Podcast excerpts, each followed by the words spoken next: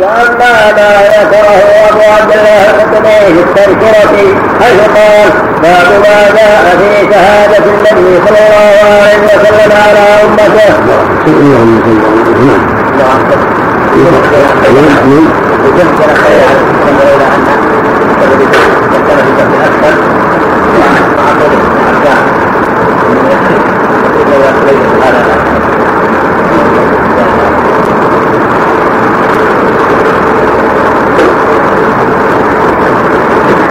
الله أعلم أن هذه الرواية في المعنى ما هي بروايه معروفه رواية معروفه في هذا انه صلى الله عليه وسلم فكلعت فيه حتى جاء جعلت واحدة من النار. ويحتمل أن هذه الرواية يعني صحيحة كما جاء في رواية مسلم ويكون هذا بالنسبة إلى من كان من يعني له بصيرة علم لا لا لا. يلتفت عليه الأمر في مثل هذا وأن الامر بيد الله سبحانه وتعالى وان كل يصرف الأمور. لولا أنا لولا شفاعتي ولولا ما قدمت به. لكن الروايات معروفة. ليست فيها أنا. إنما فيها انه شفع فيه حتى جعل في من الله. هكذا جاء الروايات الكثيره ما عدا هذه الرواية. وحديث لا تقولوا ما شاء الله وشاء فلان وقولوا ما شاء الله ثم شاء فلان. حديث ما شاء الله فيك قال جعلت يزيدا ما شاء الله وحده. وما أخذ ابن عباس وفي حديث مرفوع إلى غير هذا. تدل على أنه لا يقال لولا اننا كان كذا وكذا. ويحتمل أنه مثل ما تقدم يجوز مع العلم والضروره يكون هذا قليل والأفضل والأحوط كان ثم. لولا لولا الله ثم كذا.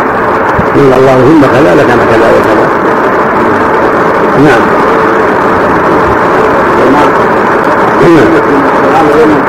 نعم. نعم.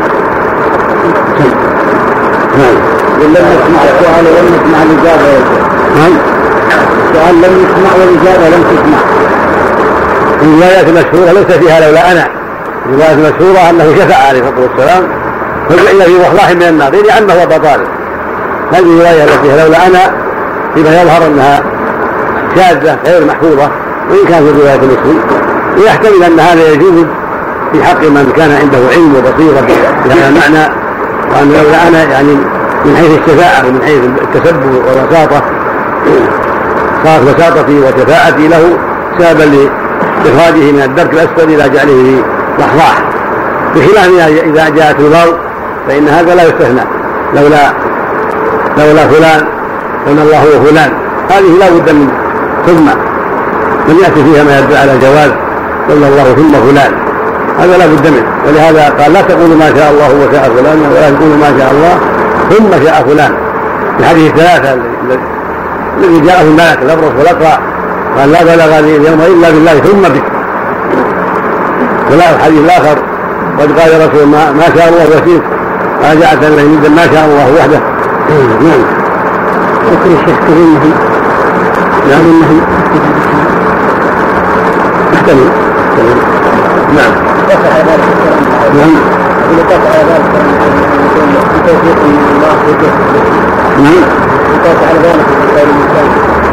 من الله ثم ثم فلان ثم جهد فلان. يكاد ثم في هذا من الله ثم فلان نعم. من الله ثم فلان. هذا من الله ثم من فلان. نعم.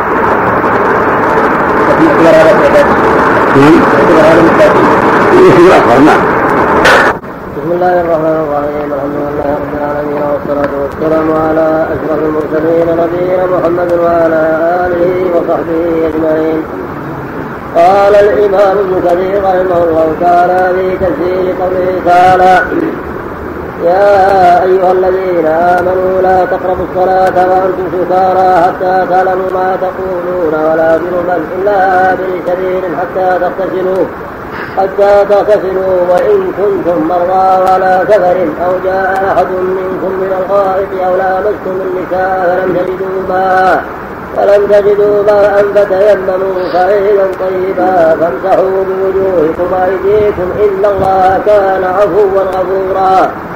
ينهى تبارك وتعالى عباده المؤمنين عن فعل الصلاة في حال السكر الذي لا يدري معه المصلي ما يقول وعن سربان محالها التي هي المساجد للجنوب.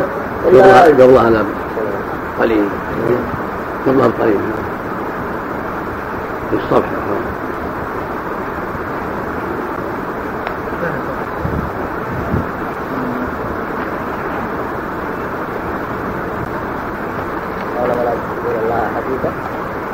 الله قليل قوله الله والله ربنا ما كنا مشركين الله وأما ما ذكره أبو عبد الله القرطبي نعم.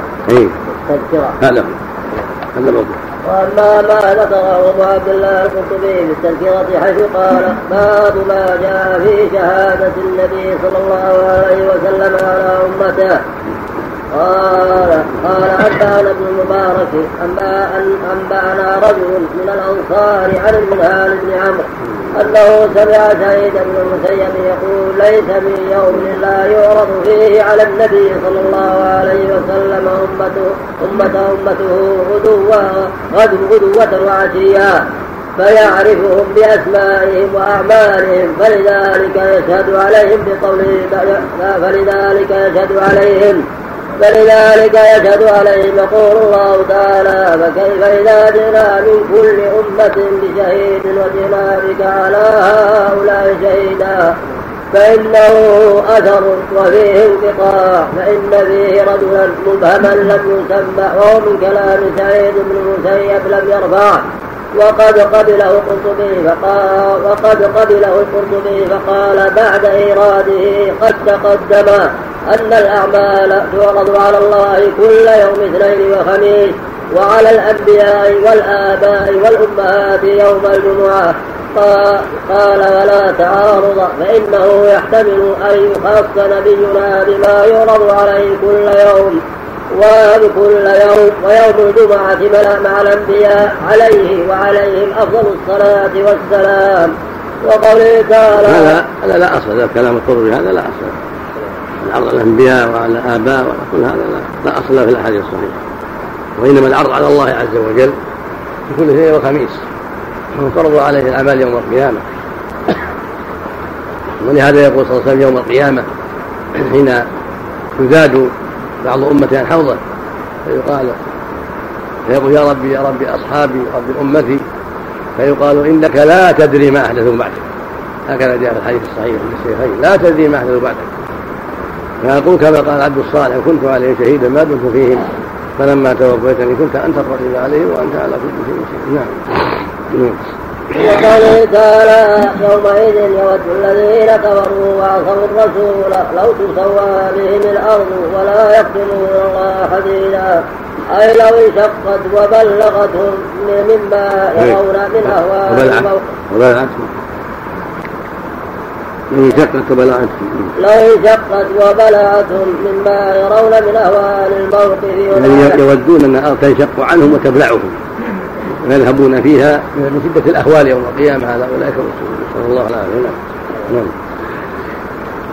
أي لو انشقت وبلغتهم مما يرون من أهوال الموقف وما يحل بهم من الخزي والفضيحة والتوبيخ كقوله يوم ينظر المرء ما قدمت يداه الآية كقوله ولا يكتمون الله حديثا إخبار عنهم بأنهم يعترفون بجميع ما فعلوه ولا يكتمون منه شيئا. وقال ابن جرير حدثنا حاكم حدثنا حدثنا حاكم حدثنا عمرو عن مطرف حدثنا الحكم الحكم. عندنا قبله نعم. حدثنا ابن حميد قال حدثنا حاكم. حاكم نعم لا حكم القنطري. حكم موسى حط عليه إشارة. راجع الأصل. عليه إشارة راجع الأصل. على الآية نعم. وقال ابن جرير حدثنا حاتم حدثنا عمرو عن مطرف عن المنهال بن عبد عن سعيد بن جبير قال جاء رجل إلى ابن عباس فقال له سمعت الله عز وجل يقول يعني إخبارا عن المشركين يوم القيامة إنهم قالوا والله ربنا ما كنا مشركين.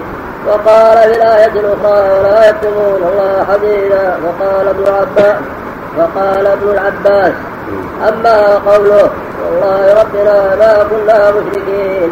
فإنهم لما رأوا أنه لا يدخل الجنة إلا أهل الإسلام قالوا تعالوا فلنجحد فقالوا والله ربنا ما كنا مشركين. فختم الله على أفواههم وتكلمت أيديهم وأرجلهم ولا يكتمون الله حديدا. وقال عبد الرزاق كما قال جل وعلا اليوم نختم على أفواههم وتكلمنا أيديهم. وتشهد أرجلهم بما كانوا يكسبون. قال الله لا يكتب الرحيم وتشهد على ألسنتهم وأيديهم وأرجلهم بما كانوا يعملون نسأل الله العافية. نعم وقال عبد الرزاق أخبرنا معمر عن رجل عن المنهال بن عبد عن سعيد بن جبير قال جاء رجل إلى ابن عباس فقال أشياء تختلف علي تختلف علي في القرآن. قال ما هو أشك ما هو أشك في ما هو ما هو أشك في القرآن؟ قال ليس هو بالشك ولكن اختلاف. قال فهات ما اختلف عليك من ذلك. قال أسمع الله يقول ثم لم تكن مثلتهم إلا أن قالوا والله ربنا ما كنا مشركين. وقال ولا يكتمون الله حديدا. وقد كتبوا فقال ابن عباس أما قوله ثم لم تكن فتنتهم إلا أن قالوا والله ربنا ما كنا مشركين. فإنهم لما رأوا يوم القيامة أن الله لا يغفر إلا لأهل الإسلام ويغفر الذنوب. ولا يتعاظمه ذنب أن يغفره ولا يغفر شركا أحد المشركون. وقالوا والله ربنا ما كنا مشركين. رجاء أن يغفر لهم فختم الله على أفواههم وتكلمت أيديهم وأرجلهم بما كانوا يعملون. فعند ذلك يود الذين كفروا وعصوا الرسول لو تسوى بهم الأرض ولا يكتمون الله حديثا وقال دويد عن الضحاك قال أخذوا في هذا أن يوم القيامة أحواله كثيرة ومتعددة وهو طويل جدا فلهذا يكون للناس فيه أحوال لطوله. ففي وقت لا يتكلمون ولا يتساءلون بشدة الأهوال فإذا نفخ في الصور فلا أنساب يومئذ ولا يتساءلون.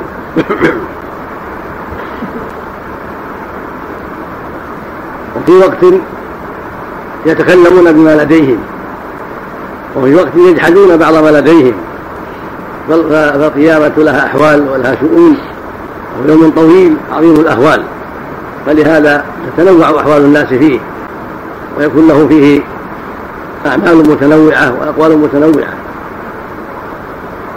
وفي جواب ابن عباس دلالة على أن جحدهم شركهم كان طمعا في أن يغفر لهم.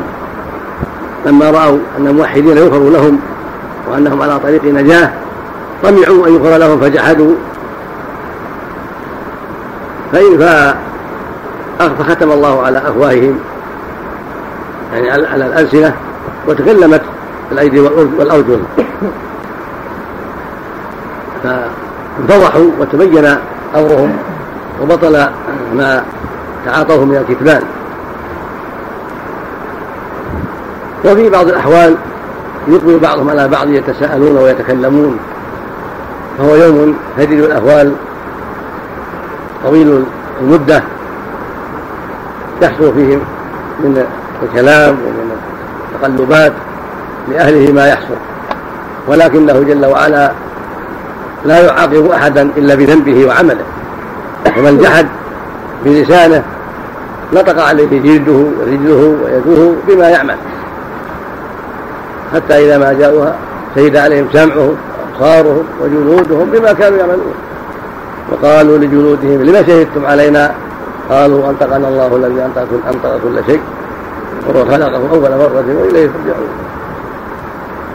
نعم الله نعم الله وقال جويبر عن الضحاك إن نافع بن الأزرق أتى ابن عباس فقال يا ابن عباس قول الله تعالى يومئذ يود الذين كفروا وعصوا الرسول لو تسوى بهم الأرض ولا يكتمون الله حديثا وقوله والله ربنا ما كنا مشركين. وقال له ابن عباس إني احلفك إني أحسبك قلت من عند أصحابك فقلت ألقي على ابن عباس متشابه القرآن فإذا رجعت إليهم فأخبرهم أن الله تعالى يجمع الناس يوم القيامة في بقيع واحد ويقول المشركون إن الله لا يقبل من أحد شيئا إلا ممن وحده فيقولون تعالوا نجحد ويسألهم فيقولون والله ربنا ما كنا مشركين. قال ويختم الله على أفواههم ويستنطق جوارحهم وتشهد عليهم جوارحهم. ويستنطق جوارحهم وتشهد عليهم جوارحهم أنهم كانوا مشركين. فعند ذلك يتمنون لو أن الأرض سويت بهم ولا يكتمون الله حديثا رواه ابن جرير يا أيها الذين آمنوا لا تقربوا الصلاة وأنتم سكارى حتى تعلموا ما تقولون ولا جنوبا إلا آبر سبيل حتى تغتسلوا.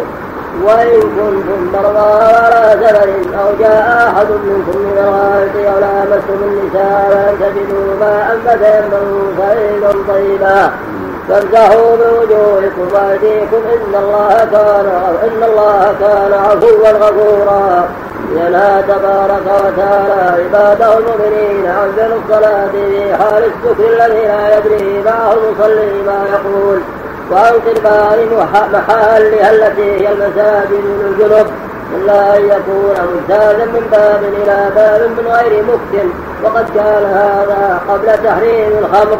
كما دل عليه الحديث الذي ذكرناه في سورة البقرة عند قوله تعالى يسألونك عن الخمر والميسر الآية فإن رسول الله صلى الله عليه وسلم تلاها على عمر. فقال اللهم بين لنا في الخمر بيانا شافيا فلما نزلت هذه الآية تلاها عليه. فقال اللهم بين لنا في الخمر بيانا شافيا فكانوا لا يشربون الخمر في أوقات الصلوات حتى نزلت. يا أيها الذين آمنوا إنما الخمر والميسر والأنصاب والأزلام رجز من عمل الشيطان فاجتنبوه لعلكم تفلحون. إلى قوله تعالى فهل أنتم منتهون؟ فقال عمر انتهينا انتهينا. وفي رواية إسرائيل عن أبي إسحاق عن عمر بن شرحبيل عن عمر بن الخطاب في قصة تحريم الخمر. فذكر الحديث وفيه فنزلت الآية التي في النساء. يا أيها الذين آمنوا لا تقربوا الصلاة وأنتم سكارى حتى تعلموا ما تقولون. فكان منادي رسول الله صلى الله عليه وسلم إذا قامت الصلاة ينادي ألا يقربن الصلاة تكرار لفظ أبي داود وذكر ابن أبي شيبة في سبب نزول هذه الآية ما رواه ابن أبي حاتم حدثنا يونس بن حبيب حدثنا أبو داود حدثنا شعبة أخبرني سماك بن حرب قال سمعت مصعب بن سعيد يحدث عن سعد قال سمعت مصعب بن ابن سعيد يحدث. بن سعد. نعم. سمعت مصعب بن سعد نعم. يحدث عن سعد قال نزل في أربع آيات. صنع رجل في في قال نزلت في أربع آيات.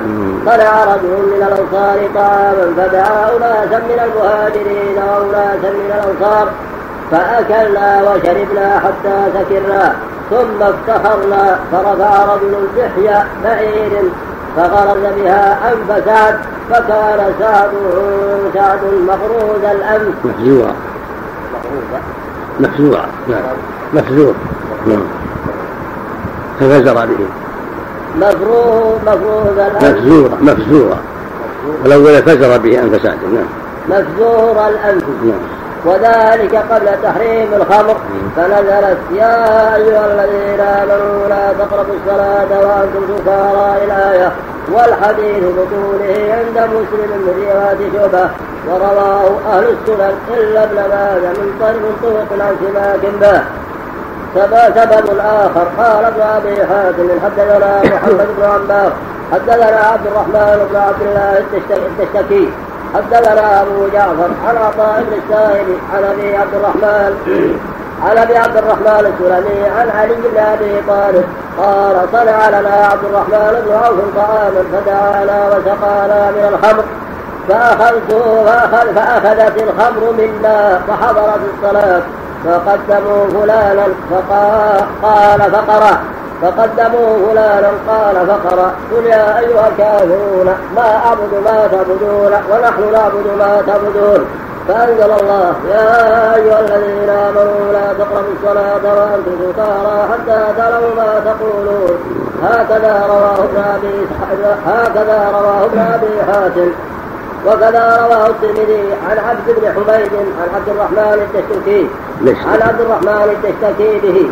وقال حسن صحيح وقد رواه ابن جرير عن محمد بن بشار عن عبد الرحمن بن مهدي عن سفيان الثوري عن عطاء بن السائب عن أبي عبد الرحمن عن علي أنه كان هو وعبد الرحمن ورجل آخر شربوا الخمر فصلى بهم عبد الرحمن فقرأ قل يا أيها الكافرون فخلط فيها فنزلت لا تقربوا الصلاة وأنتم سكارى وهكذا رواه أبو داود النسائي من حديث الثوري به.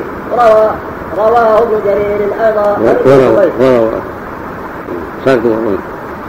وهذا يبين له سبحانه عوار الخمر وفسادها وشرها وأنها تجعل العقلاء غير عقلاء.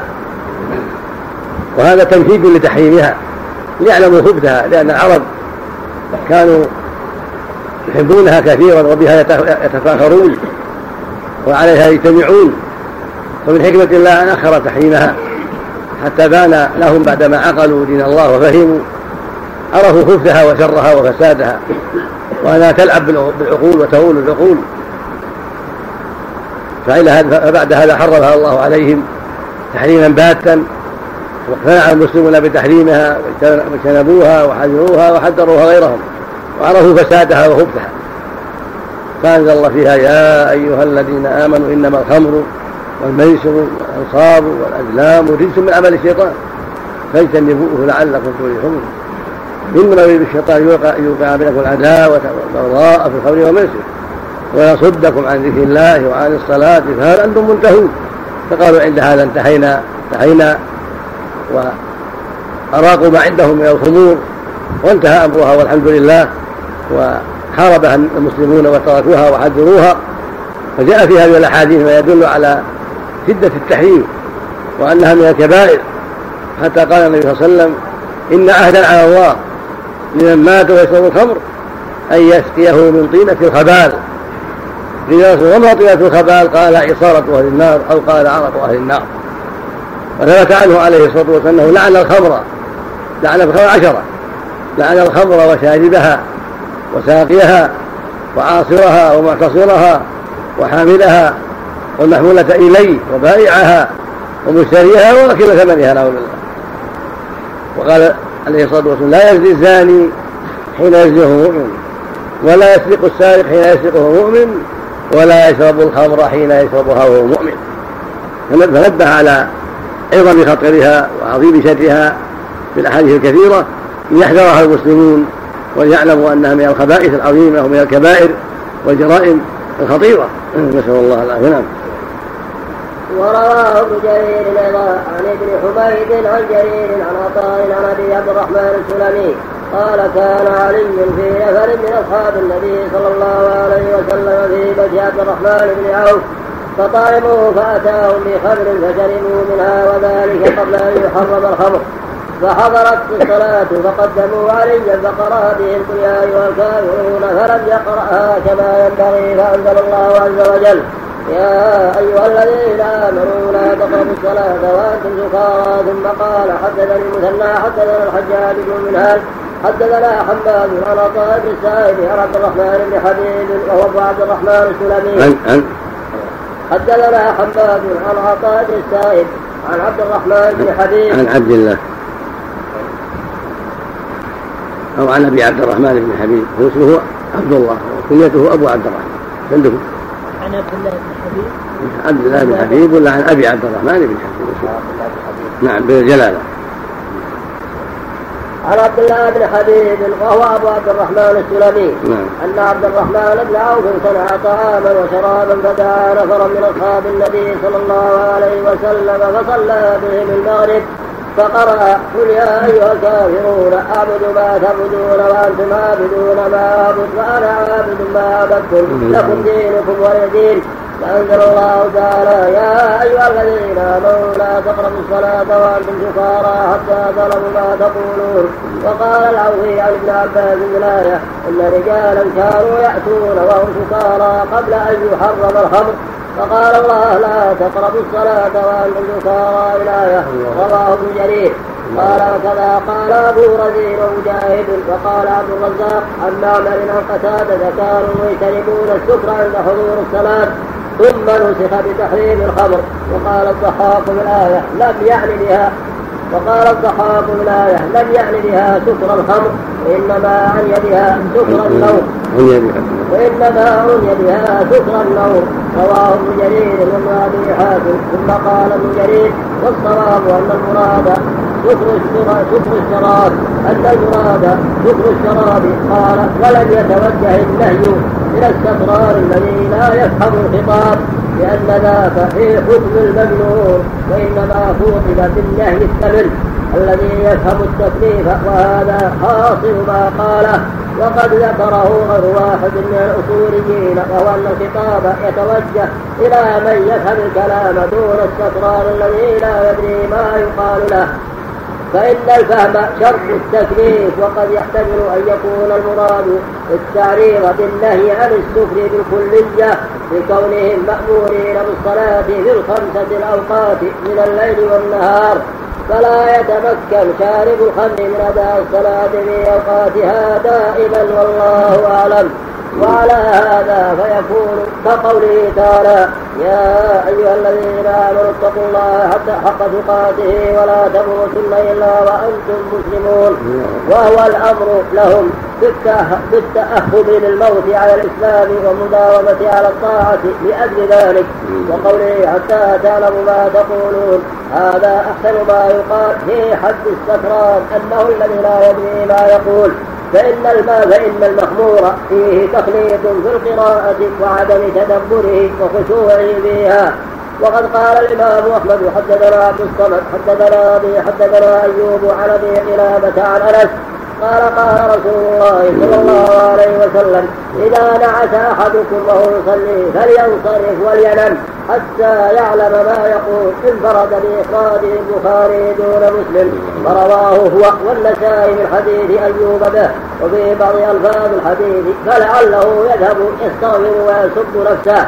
وقوله ولا جنبا إلا عابد. يكون على أول الآية يكون على أول الآية نعم. نزول الآية هذا الأخير نعم. الكتاب الأخير في نزول الآية لما صلى بعض الصحابة وقرأ في أيها الكافرون الله أعلم. لا. لا.